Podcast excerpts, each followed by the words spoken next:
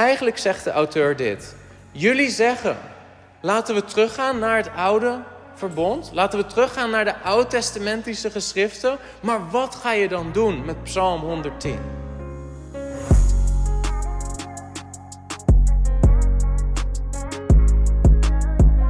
In hoofdstuk 7 heeft de auteur al vele argumenten genoemd. Maar in hoofdstuk, in hoofdstuk 7 van de Hebreeënbrief komt hij misschien wel tot zijn meest krachtige apologetisch argument. Want dit is waarom ik zeg, dit is apologetiek. Zij werden verleid om terug te keren naar het judaïsme. Om een andere theologische positie in te nemen. Waarom? Omdat dat gemakkelijker was. Omdat dat hen bevrijdde van al die druk. En dus zouden ze voor zichzelf redenen kunnen verzinnen waarom het gerechtvaardigd was om die beweging te maken. Je zou kunnen denken, ja, maar Mozes was toch ook een man van God? De priesters zijn toch ook door God ingesteld? De profeten van het Oude Testament zijn toch ook door God geïnspireerd? En je kunt je voorstellen dat deze Joodse christenen allerlei redenen hadden kunnen verzinnen waarom het legitiem was en te rechtvaardigen om Jezus terug toe te keren en terug te gaan naar het oude verbond en zelfs nog te geloven dat ze daarmee God zouden eren en dienen.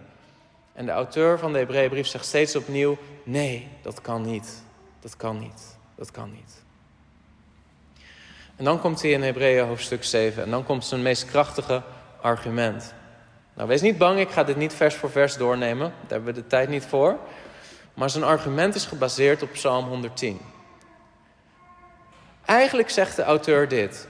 Jullie zeggen, laten we teruggaan naar het oude verbond. Laten we teruggaan naar de oud-testamentische geschriften. Maar wat ga je dan doen met Psalm 110? Natuurlijk had hij allerlei schriftgedeelten kunnen citeren en hij citeert er ook verschillende. Maar een van zijn belangrijkste argumenten, apologetisch, is Psalm 110, vers 4. Hij zegt: Oké, jullie willen teruggaan naar dat. Jullie willen terug naar het oude verbond. Jullie willen terug naar de priester, terug naar de tempel. Weer een offer brengen. Weer jezelf onderwerpen aan dat rituele systeem. Maar dat kan jou nooit tot volmaaktheid brengen. En bovendien, wat ga je dan doen met Psalm 110, vers 4? Psalm 110 is een messiaans psalm. We hebben het gelezen en we zien het is een psalm van David. Alleen het begint heel opmerkelijk. Psalm 110 zegt namelijk, vers 1, de Heere heeft tot mijn Heere gesproken. Dit is eigenlijk al een groot mysterie. Moet je je voorstellen dat je leeft in de tijd van David. David heeft een nieuw psalm geschreven, wordt gepubliceerd. En um, je zit ergens in een lokale synagoge. Oh, er is een nieuw psalm van David. Oké, laten we kijken wat hij heeft geschreven. Zo is het natuurlijk niet gegaan hoor, maar ik probeer het even voor te stellen zo. Even kijken, wat heeft David geschreven hoor? Hij is de koning, dus uh, moet even serieus nemen. De Heere, Yahweh, de, de verbondsnaam van God. Yahweh heeft tot mijn Heere gesproken. Ik zie al drie mensen die dan hun hand opsteken. Heren, tot mijn Heer. Wie bedoelt David? David is koning. Uh, wie is die andere Heer waar hij het over heeft? Yahweh heeft gesproken tot mijn Heer. Heeft David een Heer? Hij is de koning van Israël. Wie is dan zijn Heer? Jullie weten dat Jezus zelf dat ook citeert in de evangelie en aangeeft over wie heeft David het? Heeft hij het over zijn zoon?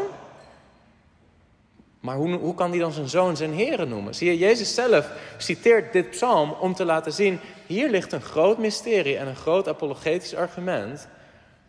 ten aanzien van wie de Messias is. De Heer heeft tot mijn Heer gesproken. En wat heeft hij gezegd? Zit aan mijn rechterhand, totdat ik uw vijanden gemaakt zal hebben... tot een voetbank voor uw voeten. Nou, de rest van de versen kennen we. En dan vers 4. De Heer heeft gezworen, en hij zal er geen berouw van hebben... u bent priester voor eeuwig. Tot wie heeft hij dat gezworen? Hij heeft dat gezworen tot de Heere van David. Maar wie is die Heere? En dan zegt die nota bene, u bent priester voor eeuwig naar de ordening van Melchizedek.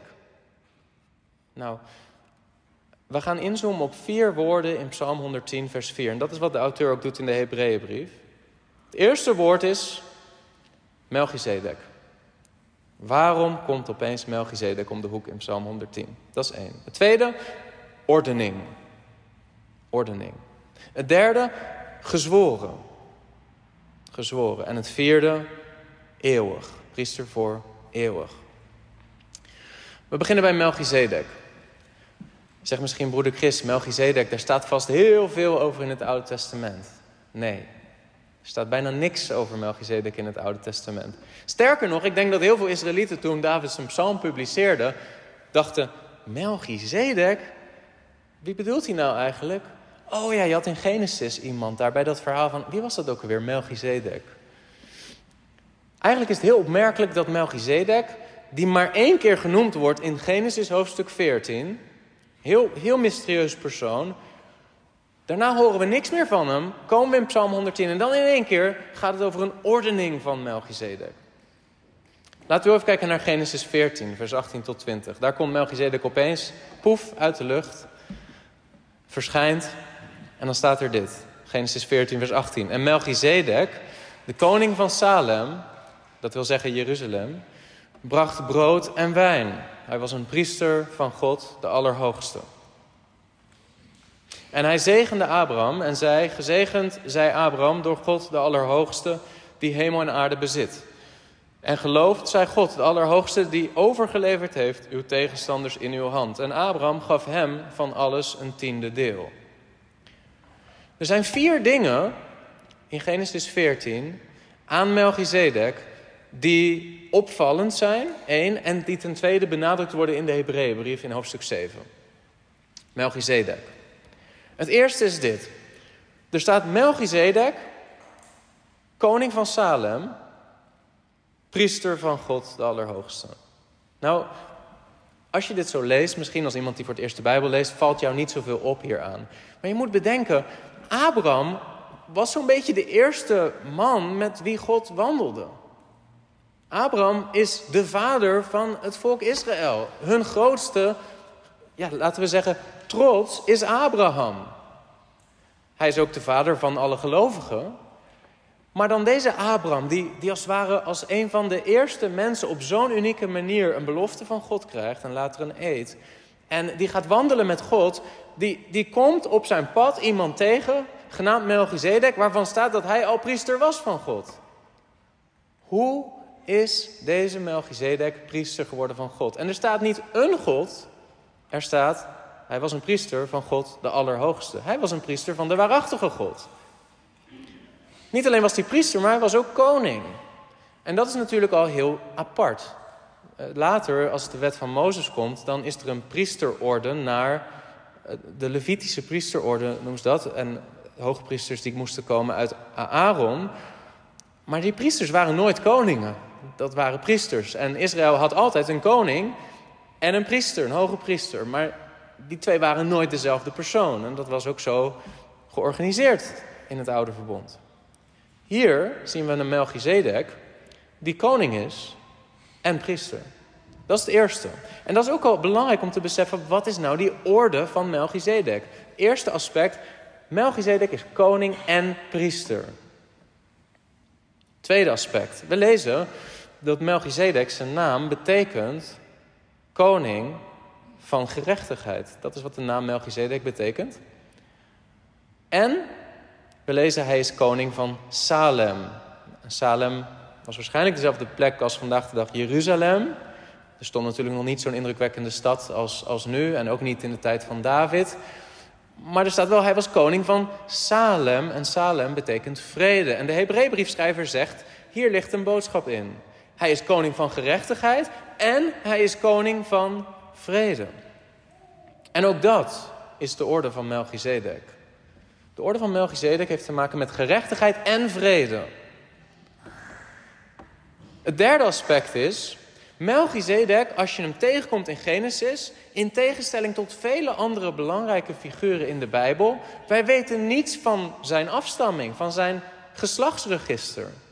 Het lijkt alsof hij geen vader heeft en geen kinderen krijgt, terwijl de Bijbel heeft de neiging om van belangrijke mensen hele geslachtsregisters op te stellen en aan de lezer te verkondigen. Melchizedek lijkt een heel interessant persoon te zijn in Genesis hoofdstuk 14, maar hij komt en hij is weer weg. En we weten niks van hem. Behalve wat daar in die, laten we zeggen, drie versen in Genesis over hem staat. Dat is iets waarvan de Hebreeënbriefschrijver zegt, daarin zit een diepe profetische boodschap. Namelijk dit, dat deze Melchizedek, hij heeft als het ware geen begin en geen eind. En daarin staat hij symbool voor de eeuwige bediening van Jezus als hoge priester. En tot slot, en dat is het vierde punt, hij is groter en meer dan de Levieten. Waarom? En dan komt het hele argument rondom de tiende. En ik vind het altijd heel erg vervelend als, als predikanten Hebreeën hoofdstuk 7 aanhalen om te bewijzen dat christenen nog steeds tiende moeten betalen. Want dat is echt niet het doel van waarom dit genoemd wordt hier. De auteur van de Hebreeënbrief wil een heel ander punt. Eigenlijk, dat hele tiende is een bijverschijnsel van zijn argument. Wat hij wil zeggen is dit. Onder de wet van Mozes moest het volk Israël tiende geven aan de levieten. Even los van hoe je denkt over tiende hoor. Want ik zeg niet dat je geen tiende moet betalen of wel. Dat is niet het onderwerp van de boodschap vandaag. Ik heb daar wel een mening over, maar daar gaat het dus niet over. Het punt is dit. Onder de wet van Mozes moesten alle stammen tiende betalen aan de levieten. Daarmee blijkgevend van het feit, en dit is eigenlijk wat ze daarmee zeiden was, de levieten middelen namens ons tussen ons en God. Zij staan als het ware in geestelijk opzicht hoger dan wij, dichter bij God dan wij. En die tiende gaven daar blijk van. En dan zegt de auteur dit, maar let eens goed op. Waar was Levi op het moment dat Melchizedek die ontmoeting had met Abraham? Zeg je, ja, maar die was nog helemaal niet geboren, Levi. Hij was nog niet geboren. Maar de auteur zegt, maar in feite was Levi in de lendenen, laten we zeggen in het lichaam van Abraham. Dus, en dat is misschien een vrij apart argument, maar hij zegt, dus in feite wat er is gebeurd is, Abraham heeft tiende gegeven aan Melchizedek. En in Abraham heeft Levi tiende gegeven aan Melchizedek. En daarmee erkent dat Melchizedek een hogere orde van priester was dan Levi. Kun je me nog volgen? En daarmee gezegd dat de orde van Melchizedek een hogere priesterorde is dan de orde van de Levieten. Dat is het argument wat gemaakt wordt. Ik wil op één ander ding inzoomen en dan gaan we door om te kijken naar die orde. Ik, ik noemde zo kort eventjes, hij is koning van gerechtigheid en hij is koning van vrede. Nu, als je de Hebreeënbrief goed leest, dan zie je dat de Levieten eigenlijk beide niet konden brengen. Nog gerechtigheid in volmaakte zin, nog vrede kon gebracht worden door de Levieten. De offers die gebracht werden onder het Levitisch priesterschap konden een mens nooit echt rechtvaardigen voor God. Niet voor wat betreft zijn geweten. En dus hadden mensen onder het Levitisch priesterschap geen echte gerechtvaardigde positie voor God, dat is één. En God moest hun zonde als het ware dulden, lezen we ook in de Romeinenbrief.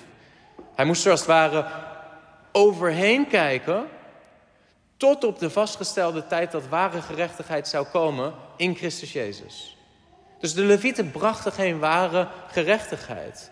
Hun hele bediening was een voorafschaduwing van wat Jezus zou gaan brengen. Dat is één, maar ten tweede, ze konden geen vrede brengen.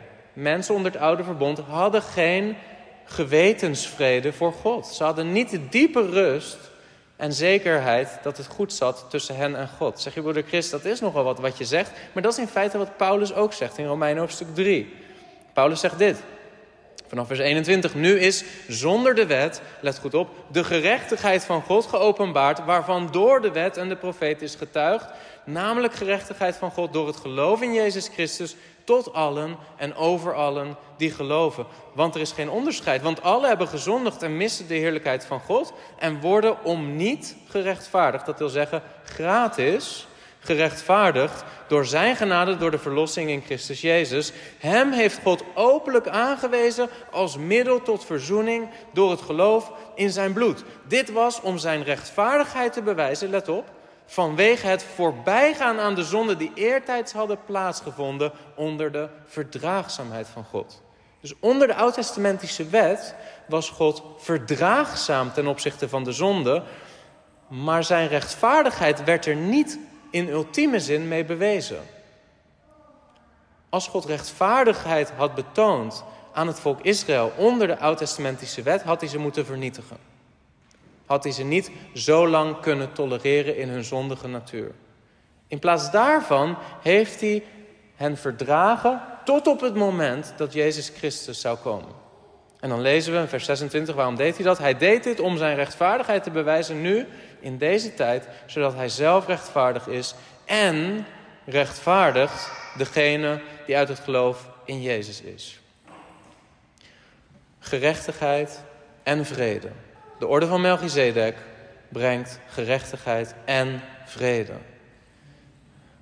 Hoe heeft Jezus vrede gebracht? En vrede is meer dan een gevoel in deze context. Vrede beschrijft hier een waarachtige situatie tussen jou en God. Heb je vrede met God? En weet je wat opvalt? Als Jezus opgestaan is, nadat hij is gestorven aan het kruis. Ze hebben hier geen kruis hangen, jammer. Gemiste kans. Nee hoor, ja, een klein kruis daar. Maar goed, eh, nadat onze Heer Jezus is gestorven aan het kruis van Golgotha en is opgestaan, verschijnt hij aan zijn apostelen. En het eerste wat hij zegt is dit: Johannes 20, vers 19. Toen het nu avond was, op die eerste dag van de week, en de deuren van de plaats waar de discipelen bijeen waren uit vrees voor de Joden gesloten waren, kwam Jezus en hij stond in hun midden en hij zei tegen hen: Vrede zij u. Heb je daar ooit over nagedacht? Waarom is dat het eerste wat Jezus zegt? Omdat dat is wat hij heeft gekocht op Golgotha. Hij heeft vrede gekocht voor jou. Jezus, toen hij stierf aan het kruis, stierf onder, onder de rechtvaardige eis van de wet, namelijk als ons plaatsvervangend hoofd droeg hij de straf die wij hadden moeten dragen. Jij en ik hadden daar moeten hangen. In plaats daarvan hing hij daar en droeg zo de rechtvaardige eis van God dat zonde geoordeeld moet worden. En de prijs van de zonde is de dood. Jezus droeg die rechtvaardige eis van de wet voor ons, maar zodra hij dat heeft gedaan, verschijnt hij aan zijn discipelen, die hij heeft vertegenwoordigd aan het kruis, en zegt: Vrede zij u. En zijn discipelen, net als jij en ik, wij gaan vaak daaraan voorbij, aan iets wat Jezus zegt, wat heel diep is. Maar het, is, het wordt nog sterker. Jezus zegt nadat hij heeft gezegd, vrede zij u, staat er. En nadat hij dit had gezegd, liet hij hun zijn handen en zijn zij zien. Hij laat zijn wonden zien. Waarom doet hij dat? Hij zegt, vrede zij u. En vervolgens laat hij dit zien. Wat hij zegt is, dit is de basis voor jouw vrede. Dit is de basis voor jouw vrede. Niet jouw goede werken, maar mijn lijden op Golgotha is de basis voor jouw vrede. En dan staat er, de discipelen dan verblijden zich toen ze de Heeren zagen. Dus zij zijn net als jij en ik. Jezus doet iets heel dieps. En vervolgens, ze verblijden zich en hij is er weer. Yes. Maar Jezus, let goed op wat hij zegt, vers 21. Jezus dan zei opnieuw, vrede zij u. Hij zegt als het ware tegen zijn discipelen, wacht heel even, voordat je in blijdschap uitbarst. Registreer wat ik hier zeg. Vrede zij u. Ik heb vrede gebracht met mijn lijden aan het kruis voor jou. En dan zegt Jezus erachteraan, zoals de Vader mij gezonden heeft, zend ik ook u. En nadat hij dit gezegd had, blies hij op hen en zei tegen hen, ontvang de Heilige Geest. En let op vers 23, als u iemand zonde vergeeft, worden ze hem vergeven. Dus die vrede is iets in de context van vergeving van zonde. Vrede is meer dan een gevoel in deze context. Het gaat om jouw feitelijke status voor God. Heb je vrede met God? En natuurlijk kan die vrede ook gepaard gaan met een gevoel van vrede. Soms. Er kunnen redenen zijn in je leven waarom je niet altijd dat gevoel van vrede hebt. Maar het beschrijft hier meer dan een gevoel. Het beschrijft de feitelijke relatie tussen jou en God. Heb je vrede met God? Jezus, hij is koning van gerechtigheid en van vrede. Het is in het evangelie van Jezus Christus dat rechtvaardigheid en vrede bij elkaar komen en elkaar kussen. Zoals in een psalm ook wordt beschreven. Tweede aspect. Nu hebben we iets gezegd over Melchizedek. Tweede aspect. De ordening van Melchizedek. En dat is het volgende argument wat hij maakt. We kijken weer eventjes naar Psalm 110, vers 4. De Heer heeft gezworen en hij zal er geen berouw van hebben. U bent priester voor eeuwig naar de ordening van Melchizedek. Hij zegt niet alleen, jij bent net als Melchizedek, maar hij zegt nee, er komt een priester van een hele andere orde. En daar maakt de Hebreeënbriefschrijver een punt van in Hebreeën 7 vers 11. Hij zegt, waarom was het dan nodig als door het Levitisch priesterschap de volmaaktheid bereid had kunnen worden, waarom was het dan nodig dat er een andere priester naar de ordening van Melchizedek zou opstaan? Als het priesterschap vers 12 verandert, vindt er immers ook noodzakelijkerwijs een verandering van de wet plaats. Heel diep eigenlijk. Want het punt is dat eigenlijk dus David al in dit psalm aangeeft Er is iemand die ik mijn Heere noem, die meer is dan ik, zegt koning David. En ik heb Yahweh horen zeggen tegen die persoon dat hij priester zal zijn tot in eeuwigheid volgens een andere orde. Dus eigenlijk zegt de auteur van de Hebreeënbrief in de Heilige Geest zegt als je de oud-testamentische geschriften serieus neemt, dan had je al kunnen weten dat er een nieuwe orde op het punt stond aan te breken. Dat er een verandering moet komen in de wet. Want als je onder de wet zou blijven doorhandelen, ja, dan zou er nooit een priester kunnen komen naar de orde van Melchizedek. Dan zouden de priesters altijd uit Levi moeten blijven zijn. Maar onze Heer Jezus is niet uit Levi. Hij is uit Juda. De auteur zegt, jullie hadden kunnen weten dat er een priester uit een andere orde zou gaan opstaan. En dat noodzakelijkerwijs een nieuw soort priester en een nieuw soort priesterschap ook een nieuw verbond met zich meebrengt, omdat onder het oude verbond de priesters uit Levi moeten zijn. Volg je mijn gedachte? Eigenlijk is het een heel logisch opgezet argument. als je Psalm 110, vers 4 serieus neemt, dan zie je daarin al een profetie over een nieuw verbond wat gaat komen. Nieuw verbond. Hoe kun je dan zeggen, ik ga terug naar dat oude verbond? Ik ga terug naar Levi, want daarvan weet ik zeker dat het van God is. Maar wat ga je dan doen met Psalm 110, vers 4? Dat is de boodschap.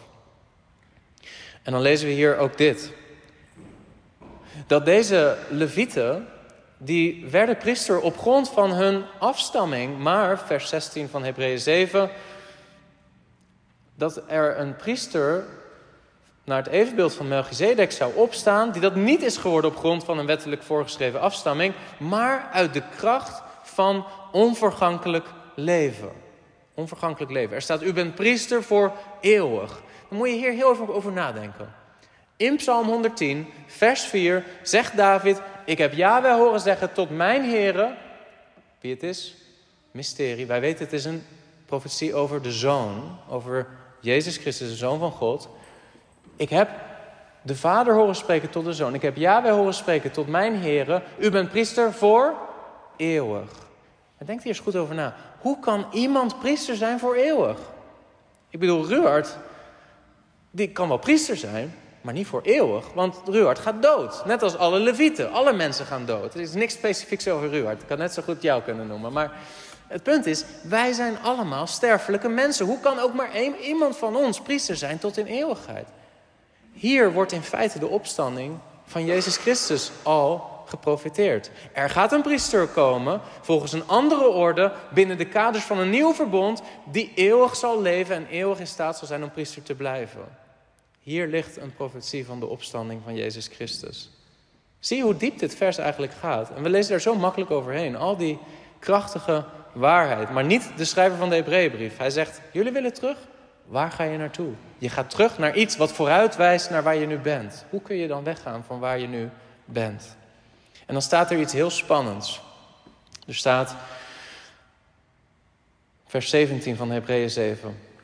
Hij getuigt immers, u bent priester in eeuwigheid naar de ordening van Melchizedek, want de terzijdestelling van het voorgaande gebod vindt plaats vanwege zijn zwakheid en nutteloosheid.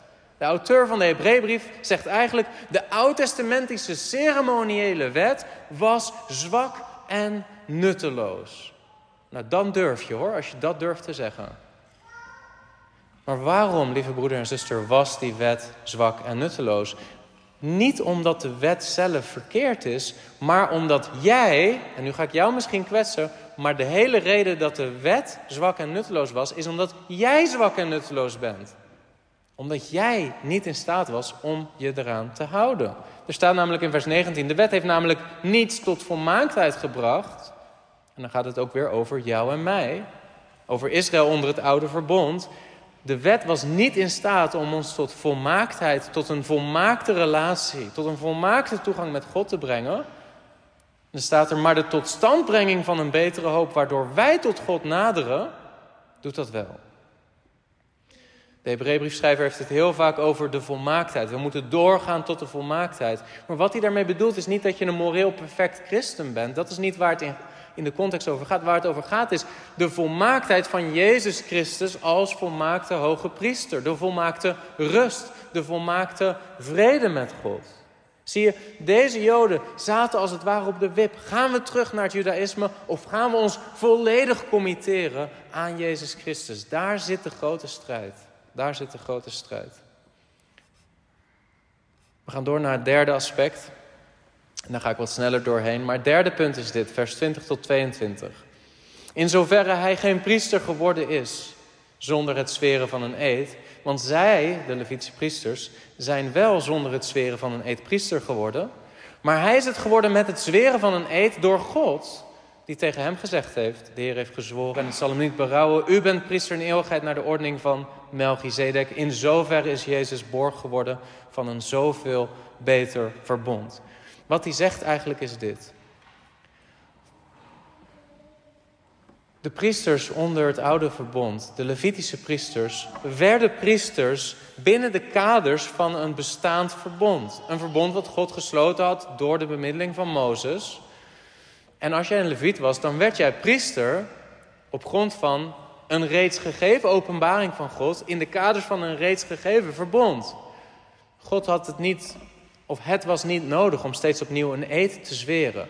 Maar hier wordt in feite zoiets radicaals gezegd over een nieuwe priesterorde, dat er een eed nodig is om als het ware aan ons extra bevestiging te geven van God. Maar dit is echt waar. God zweert niet zomaar een eed, mensen. Het enige moment dat God een eed zweert is op het moment dat hij zeker wil weten dat jij begrijpt wat hij zegt. Extra bemoediging wil geven, extra bevestiging wil geven. En eerder in de Hebreeënbrief, in Hebreeën hoofdstuk 6, zien we ook dat de Hebreeënbriefschrijver uitlegt. Als God iets belooft, is dat meer dan genoeg. Als God zijn woord geeft, hij kan niet liegen. Dat is genoeg. Maar daarnaast heeft hij ook zijn eed gegeven aan Abraham. Je zou de vraag kunnen stellen, hoeveel eden heeft God eigenlijk gezworen? Hoe vaak heeft God gezworen iets te zullen doen? En ik kan maar drie eden vinden in het Oude Testament. En nou wat interessant is, is dat alle drie die eden die God zwoer, geciteerd worden in de Hebreeënbrief. Je zou hier een bijbelstudie van kunnen maken. Misschien vind je een eed die ik niet heb gevonden. Maar ik heb er drie gevonden. Een van die drie is dus Psalm 110, vers 4. Een andere eed die we vinden is in Psalm 95. Daar staat er dat God in zijn toorn gezworen heeft: Mijn rust zullen zij niet binnengaan. Dat is diep eigenlijk. God zweert een eed dat Israël, het beloofde land, niet zal binnengaan. Dat is een eed. Maar daarnaast heeft God een eed gezworen aan Abraham in Genesis 22. En die wordt ook geciteerd in Hebreeën hoofdstuk 6. Daar staat in Genesis 22, vers 16: Hij zei: Ik zweer bij mijzelf, spreekt de Heer, omdat u dit gedaan hebt en mij, uw zoon, uw enige, niet onthouden hebt zal ik u zeker rijk zegenen en uw nageslacht zeer talrijk maken als de sterren aan de hemel en als het zand dat aan de oever van de zee is. Uw nageslacht zal de poort van zijn vijanden in bezit hebben. En in uw nageslacht of in uw zaad zullen alle volken van de aarde gezegend worden, omdat u mijn stem gehoorzaam bent geweest. Dus als je een Bijbelstudie zou doen van alle drie de keren dat God een eed zwoer in het Oude Testament, dan is er een eed aan Abraham die zegt: In jouw zaad, Abraham, zullen alle volken gezegend worden. En we weten dat dat zaad betrekking heeft op Jezus Christus. Paulus zegt dat. Het, het is, er staat niet zaden, er staat zaad. Het is enkelvoud. Het is een profetie van Christus. God zweert nadat Abraham heeft laten zien bereid is uit geloof zijn zoon te offeren. God zwoer een eed. In jouw zaad zal ik heel de wereld zegenen. Dat is een eerste eed. Tweede eed is, onder het oude verbond zullen de Israëlieten mijn rust niet binnengaan. Dat is de tweede eed. De derde eed, Psalm 110 vers 4. De Heer heeft gezworen en het zal hem niet berouwen. U bent priester tot in eeuwigheid. Als je die drie eden bestudeert, dan zie je dat hele evangelie wordt aangekondigd in het Oude Testament. Op zichzelf al eh, meerdere avonden prediking waard, dit punt. Maar dit is eigenlijk heel diepgaand. God zweert een eed in jouw zaad zal heel de wereld gezegend worden. Hij zweert een andere eed, maar onder de kaders van het oude verbond zullen jullie mijn rust niet binnengaan. En vervolgens een eed over een priester die gaat komen. Hoe, lieve Joodse christen, kun je dan zeggen: Ik ga terug naar Abraham, als Abraham zelf vooruitkeek op dat zaad? Hoe ga je dan zeggen: Ik ga terug naar de Levitische priesters, als de Levitische priesters zelf uitkeken naar een nieuwe orde, volgens Melchizedek?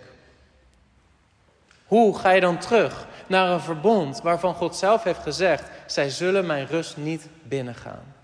Wil je de rust binnengaan? Hou dan vast aan onze geloofsbelijdenis. Hou dan vast aan deze betere, grotere hoge priester. En tot slot, en daar sluit ik mee af, het woordje eeuwig. Vanaf vers 23.